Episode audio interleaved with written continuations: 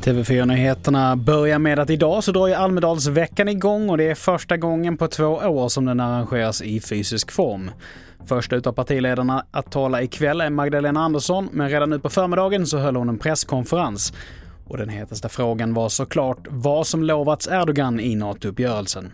Ja, men I det här avtalet så är det ju tydligt eh, att vi kommer att fortsätta följa eh, den internationella rätten. Och i Sverige så är det ju våra myndigheter som arbetar med både eh, avvisningar och utlämningar.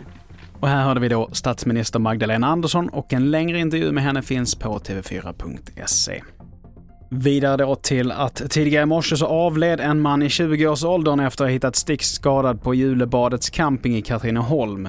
Polisen har inlett en förundersökning om misstänkt mord och kontrollerar just nu ID på alla som rör sig inne på campingområdet. Man har i nuläget ingen misstänkt och polisen efterlyser tips från allmänheten. Och vi avslutar med att med de stadigt stigande bränslepriserna så ökar nu även dieselstölderna. Det rapporterar GP. Och det är inte bara fordon som ligger i riskzonen utan även telemaster som har dieselaggregat som reservkraft. Och detta kan bli direkt livsfarligt om mobilnätets vanliga strömförsörjning slutar fungera. Fler nyheter hittar du på tv4.se. Jag heter Mattias Nordgren.